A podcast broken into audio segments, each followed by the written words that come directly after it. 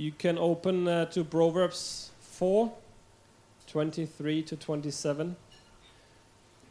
Ordspråkene 4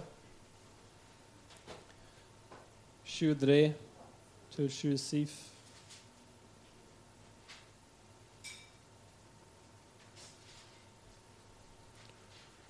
Og så, hvis dere vil vippse noen nå ehm, Jeg skal bare ta den nummeret opp. Dere har muligheten å vippse nå også, men det er også den plakaten der hvis dere vil gjøre det seinere.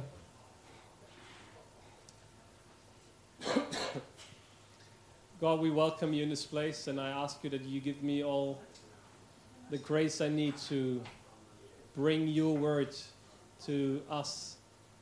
I know that our lives can be transformed when we hear the truth. And I ask you that the truth will come out of my mouth, that everything that you put on my heart, that you help me to communicate. Holy Spirit, we invite you to be continually with us. Help us to be atten- to take um, be attentive and change our lives. We don't want to be the same like we were before. We don't want to continue with the same things we did before. We don't want to just go out and, and have a, a waste of two hours or even like a good of two hours, but we want to be transformed. We want to go out and be like, I need to do something different. I need to change the way I, I, I saw things, I did things. Holy Spirit, it is only you who can do that. Will you come right now? In Jesus' name. Thank you, Papa.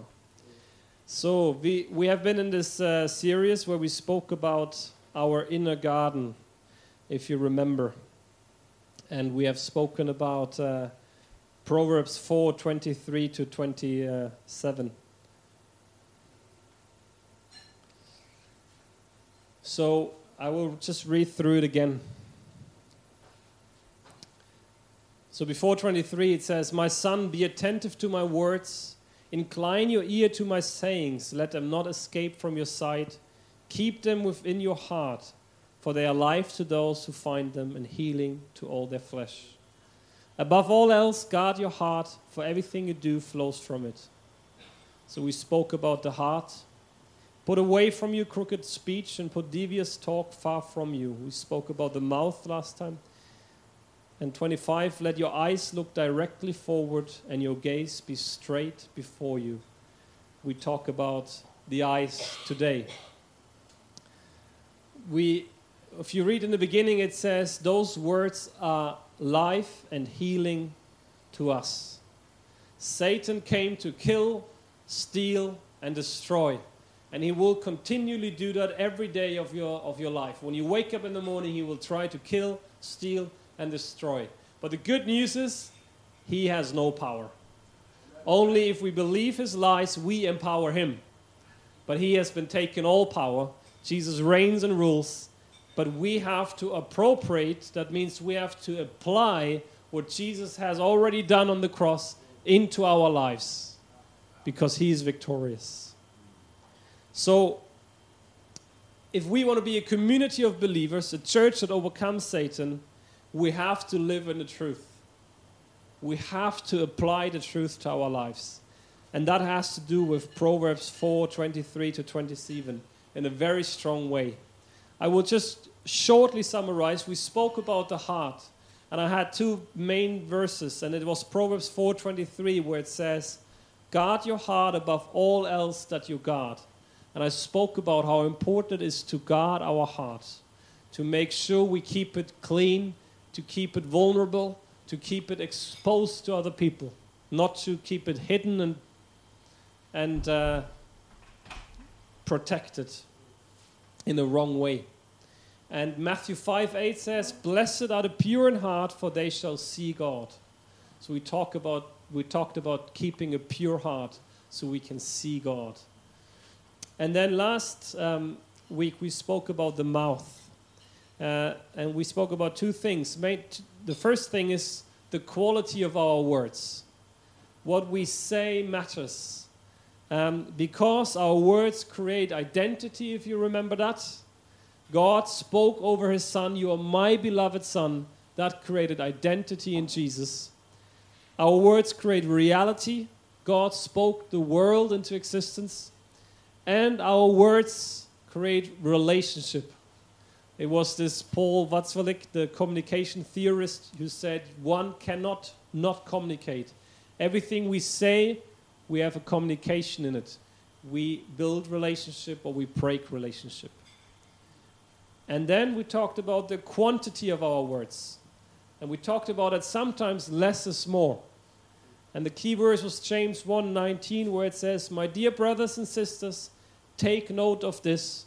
Everyone should be quick to listen, slow to speak, and slow to become angry." We should be quick to listen, we should listen to one another, and slow to speak, and slow to become angry. We shouldn't be the ones who listen to someone and already has a lot of things to say on their mind while they listen, but listen with a full heart. And then we asked in, on the, in, the, in, in the end, I asked the questions Do our words spread faith and let hope grow, or do our words spread fear? And we asked this question Have you heard, or asked people this question Have you heard about this and this? And have you heard this terrible thing happening? We spread fear. Or do we spread hope by what we say? So, this is just a quick summary running through. For those who have been here, you may be remembering now. So, today we will speak about our eyes. And Proverbs 4:25 says, "Let your eyes look directly forward and your gaze be straight before you." I norsk er øyne rettet framover', fest blikket på det som ligger foran. It is no coincidence that it says we should look straight before us. it is something important about that we look straight forward, not to the left, not to the right. I remember when we came here and God called us to this place and all our question marks were answered of where should we go in May 2020. We left here and God said, the storm will come. Look to me. Fix your eyes on me, on Jesus. And I was like, why? What, what should happen? And then Corona came and the borders closed down and the plane stopped and the, the ferry stopped and the train stopped and I realized now is the time to look to Jesus. Not look to the left, not look to the right. That's what Proverbs says here. Let your eyes look directly forward. It's so often in our lives that we have to practice that, that we look straight forward. We don't look back. We don't look, oh, what's, what's she doing? What's he doing? Oh, what worked for him and what worked for her? No, we look to Jesus, what he has said to us. So, if you remember, in everything we spoke about, we spoke about our inner garden. And we spoke about, um, I said, if we spend more time tending our garden outside of our house than tending our own inner garden, something is wrong of our set of priorities. Because the Bible says, guard your heart, your garden, above all else, more than anything else that you guard. So I don't know how it looks in your lives after these two, three weeks. Do you spend more time tending your inner garden than you did before? I hope so. If not, my preaching has been in vain. um, but on a serious note, I hope that anything that has been said here from me, from anyone, that it will make a change. I hope that we actually go home and be like, okay, what is it in my life that I want to apply into my life?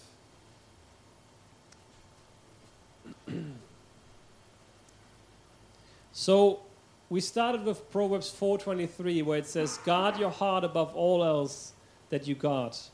And the question is how does this look in practice? How do we guard our heart above all else that we guard? And we have to understand when we look into this picture of this garden that our heart, guarding our heart means making sure that we have a clean and fruitful soil. Right? If we don't have the right condition, and Olaf can tell you, if we don't have the right soil, we can do all the stuff. We can buy the right seeds, we can water, we can do all the right stuff. If we have soil that is broken, nothing will grow.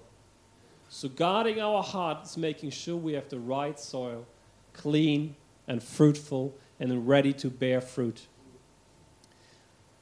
Our mouth is the multiplicator. Guarding our mouth means making sure not only to have the right soil, but also that we need the right plants to come up. And those plants, they will reproduce more fruit. So if we plant one plant in this good soil, it will come up and it will be more seed that will, re- will be reproduced in the garden. And then our eyes, our eyes are the security guard. Guarding our eyes means actually having a security guard up to only let the right stuff into your garden. If you have the right soil and you have the right so you have the right soil, that's a pure heart, you have the right plants that is speaking the right things, but you don't have the eyes ready to guard your garden, you let the wrong things into your garden. You let weed come in, you let deer come in, you let uh, different kind of animals come in, then you will still mess up your garden. Or basically the things that you let in will mess up your garden. So that is our eyes. Um, the main passage today, and we can open that, is Matthew 6 22 to 23.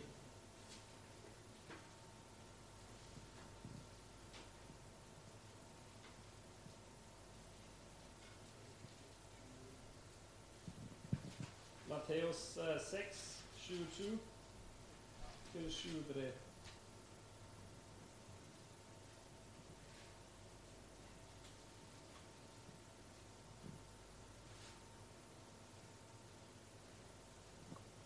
It's actually, uh, God spoke to Jan Olaf about that uh, verse the, a couple of weeks ago um, back, and it really was stuck in my mind, and I think it is still important. Matthäus 6, 22 till 23. The eye, the eye is the lamp of the body. So if your eye is healthy, your whole body will be full of light. But if your eye is bad, your whole body will be full of darkness. If then the light in you is darkness, how great is the darkness? There's a saying that says, the eye is the window to our souls. So sometimes when you look through the eye of a person, you can see much more.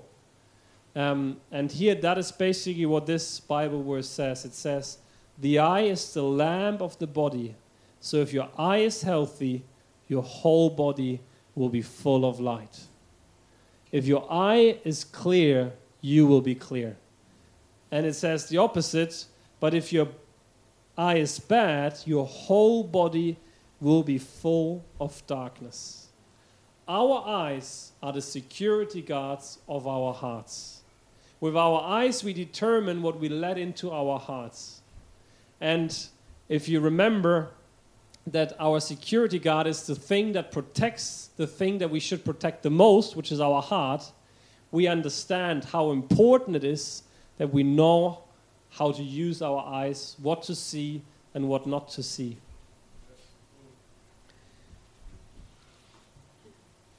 It is um, extremely crucial to see this passage that I just read in the right context.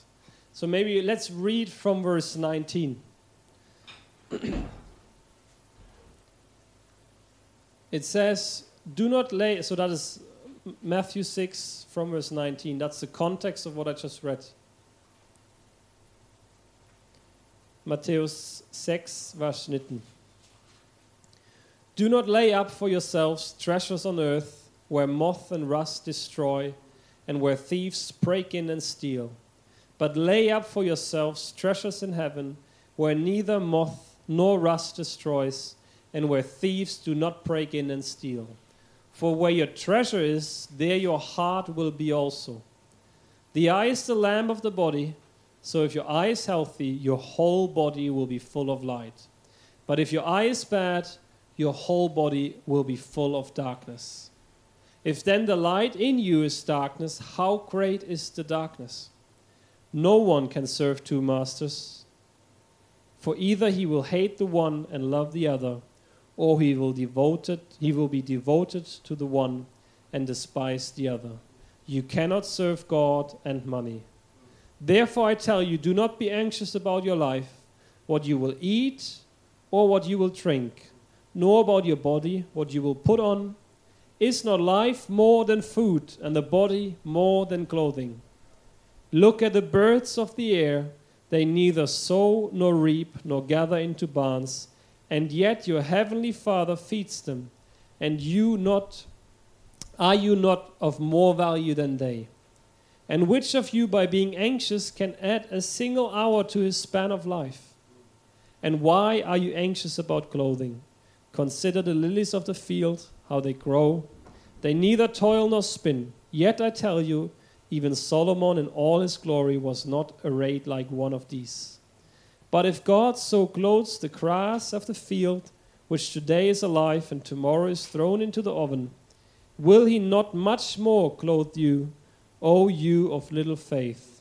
Therefore, do not be anxious, saying, What shall we eat? Or sh- what shall we drink? Or what shall we wear? For the Gentiles seek after all these things, and your heavenly Father knows that you need them. But seek first the kingdom of God and his righteousness, and all these things will be added to you. Therefore, do not be anxious about tomorrow, for tomorrow will be anxious for itself. Sufficient for the day is its own trouble. If you read Matthew 6, the whole passage, and the passage of the eyes in its context, you see that there's a clear connection between our eyes, our heart, and the worries of life.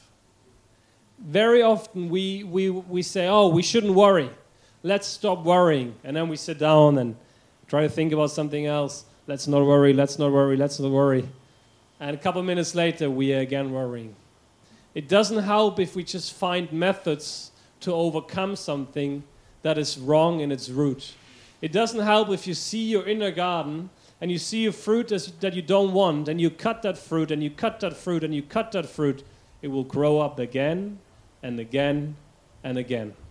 It just gives you a purpose of activity, but not a change of identity.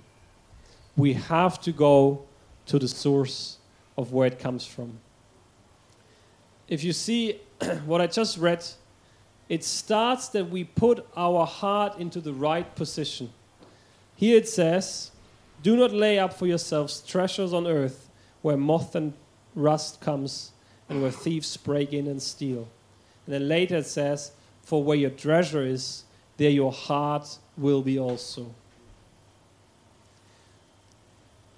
It starts with putting our heart into the right place. What and where are our treasures, right? And then it goes on on where do we see, what do we see, where do we put our eyes to, what do we see every day, what do we let into our heart. It talks about the eye being the lamp of the body. And then it goes on that we should not be anxious, that we should not worry about today or tomorrow. If we let our heart be filled with the wrong stuff, if we continually see things that we shouldn't see, if we look onto the things that we should have and should do, and everyone else is doing and everyone else is achieving, and we focus on those things, we will be filled with worry. We will continually think, oh, I'm not, I'm not measuring up, I'm not good enough, I'm not like everyone else. And worry will come, anxiety will come. We live in a society that is filled with anxiety. I think anxiety is one of the biggest mental health problems that we have. We are afraid that we are not enough. We are afraid that we don't have enough. We are afraid that we will not have enough. There's a constant battle of anxiety. And I think it has to do because of the things we see.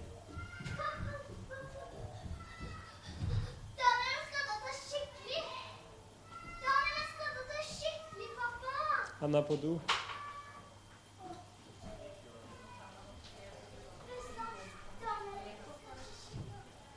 Yes.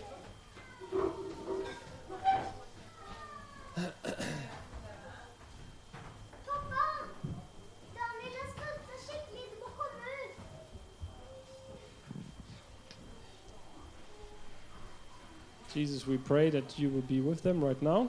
Give them wisdom what to do. Yes, det er nok voksne opp der, så vi kan stole på at de har det under kontroll. Hvis de trenger oss, da skal vi være tilgjengelig. Mia, jeg, jeg tror det er nok. Det er nok voksne opp der. Ah, dere vil hjelpe? Ja, det kan gjøre. Men det er ikke hjelpe hvis Alt er i orden. Det er bare en liten jente som har store, store ord nå, Adele. yes. Men da ser du, vi kan se på alle de ting som skjer på venstre og høyre. Og da kommer litt ting i hjertet vårt. We, we look to the left and to the right. We look to the things that happen. This is just a little example of all the catastrophes and all the things that really happen. Look into the news and you see the craziness that's going on.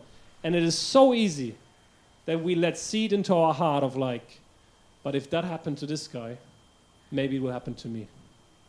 If this guy just had a financial bankrupt, maybe I will be financially bankrupt. If this guy just fell, had a car accident, maybe I will have a car accident. Yes. Isn't it? Everything is okay. You can check. I mean, your wife wanted you, but whatever you guys decide. Leonie was up there and said it's not too bad, but uh, I don't know. yeah, she did. Okay. But anyway, so that is why we have to be so careful because we are bombarded with information that we look straight forward, that we look, fixed our eyes on Jesus. And then I think we overcome anxiety. Because when I look to Jesus rather than to the left and to the right, I'm faced with one reality that God is good, that Jesus has died on the cross, that He has a future for me, that He will come back to pick me up, that I will spend eternity eternity in comparison to the 70, 80, 20, and 10 years, whatever it will be that I live on this earth. Think about that relation. Eternity compared to 70 years, 50 years, 20 years. We spent that with Him, the perfect Father. Suddenly, when we see that, everything else starts fading out. Worries start fading out anxiety starts fading out. But if we choose to see the things that the world is trying us to see, oh, there's a virus that will kill the whole earth. There's wars left, right, and center. There's people who are in uh, poverty. The uh, power, uh, the electricity bills are going up. The economics will break. Then there's not much left of hope. But we have to decide by what we see and also what we hear, is both connected, I think is the same thing, of what we let into our heart. There's a saying in English eyes on the prize. We have to have our eyes on the prize, and that is Jesus. Dying on the cross, having resurrected, and being seated on the right side of our Father. So, there's three points um, what it means to have our eyes on the prize. And I have kind of mentioned them a little bit already.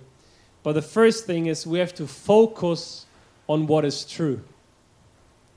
Um, I have said that before.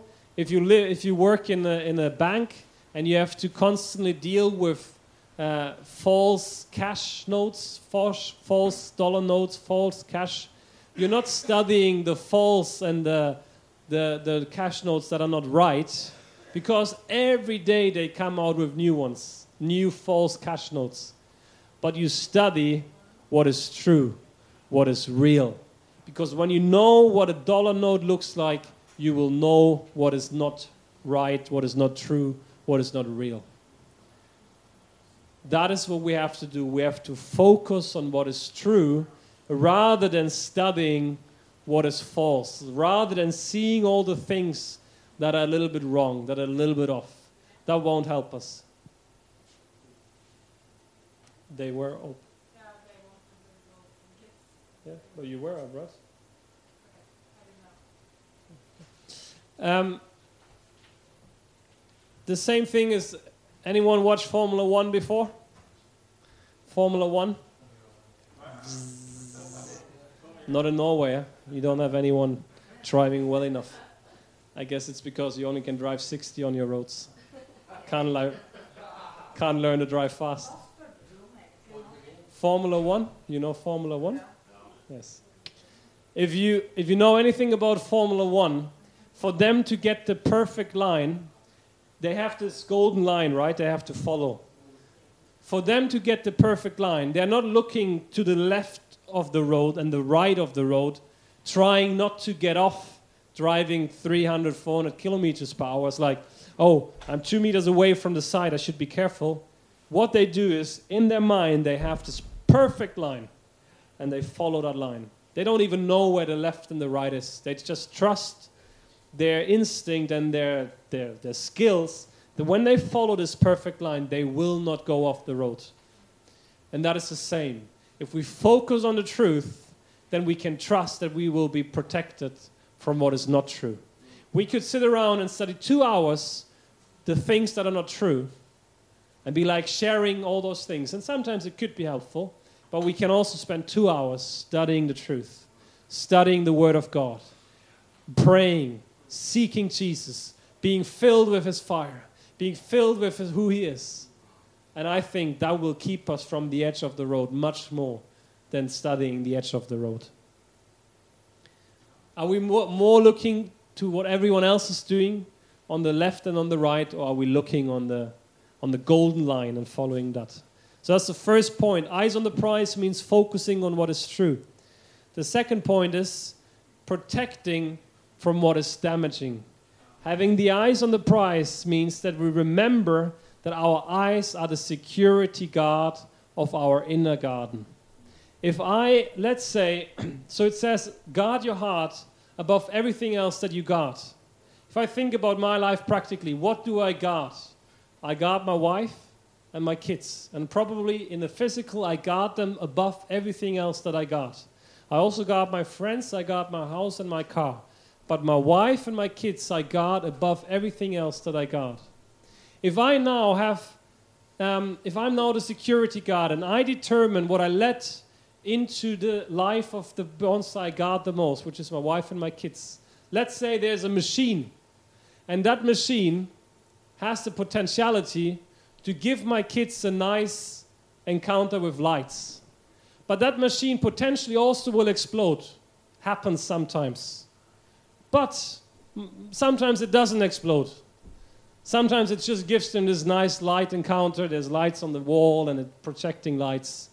Will I let this machine be in the room with my kids and my wife for a potential good encounter if I also know potentially it will explode and kill my, my wife and my daughters?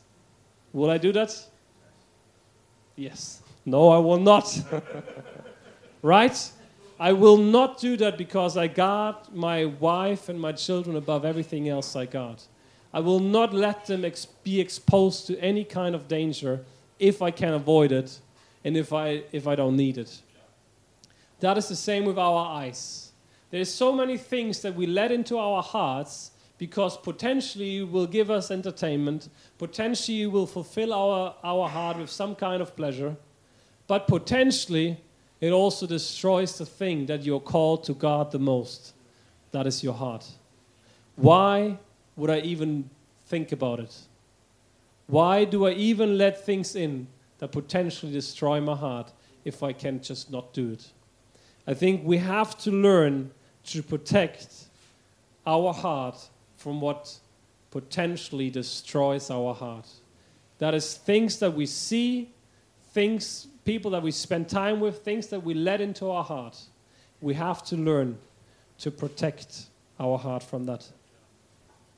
That's the second point.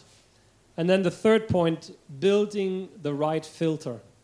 And it's the battle against overstimulation. And we have talked about that. We have talked about how we live in a world where there's massive stimulation. Constantly, our hearts are stimulated. Constantly, there's things that want to go into your heart. And we have to learn to protect our heart by building the right filter. When you go through the day, there's thousand and one things that you see that is physically the case. You see 1,001 things. But there's only a few things that you are aware that you see them. And that is called filtering. Basically, your brain protects yourself from over, like if you have a laptop and you have thousand apps running, it will just shut down. Your brain would shut down if it would process all the things that you see. So there's only a few things that you actually filter. It's called priming. For example, if you who has bought a car, you maybe think about buying a whatever it is, VW transporter. And then you drive around. What do you see all the time? A VW transporter. Anyone ex- experienced that before? No? Yes? I have experienced that before. I want to drive a Ford S Max, and I'm like, man, everyone has a Ford S Max. And before that, I never, I never saw a Ford S Max. I of course saw a Ford S Max, but I never realized. It's called priming because your your brain has been primed to one thing, and suddenly you see that one thing everywhere. And that can happen also in the spiritual. We can prime our heart to see the right things, to filter out the wrong things and see the right things. And it depends on our ability to prime our eyes and our heart on the things that are of God. If I constantly fill my eyes and fill my heart with things that are not good, I will have primed my heart to things or to a filter that is basically destroying my heart. If I have filled my eyes with things that are good, that are clear, that are holy, that are upbuilding, that are benefiting my heart, then I go through the day and I see those things much more. I see people in a different light. If we open uh, Revelation 3 17 and 18, and then we come to the conclusion.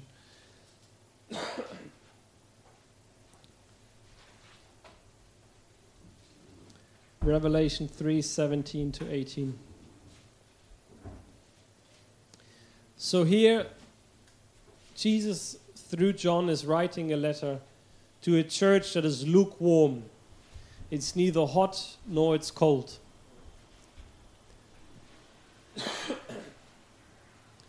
they are uh, åpenbaring kapittel 3, vers uh, 17 til 18. For you say, I'm rich, I've prospered, and I need nothing, not realizing that you're wretched, pitiable, poor, blind, and naked.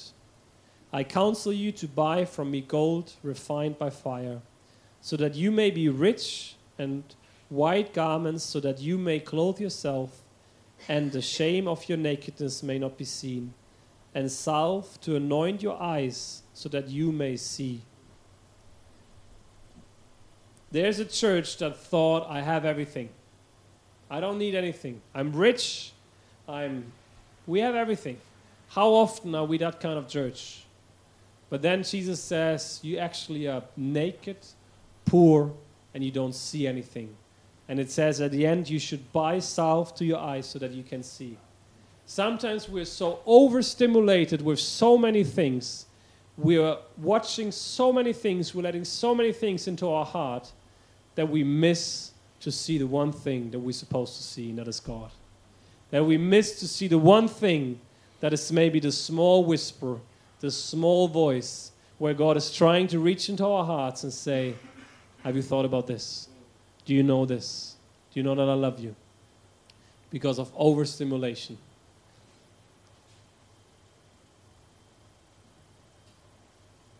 So, there's a clear connection between our eyes and our heart. It says, The pure in heart will see God. And it says, if we, it says in Matthew 6, what we read, the eye is the lamp of the body. So if your eye is healthy, your whole body will be full of light.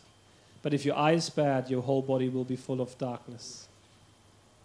If our eye is healthy, our whole body will be full of light. If we are pure in heart, we see God.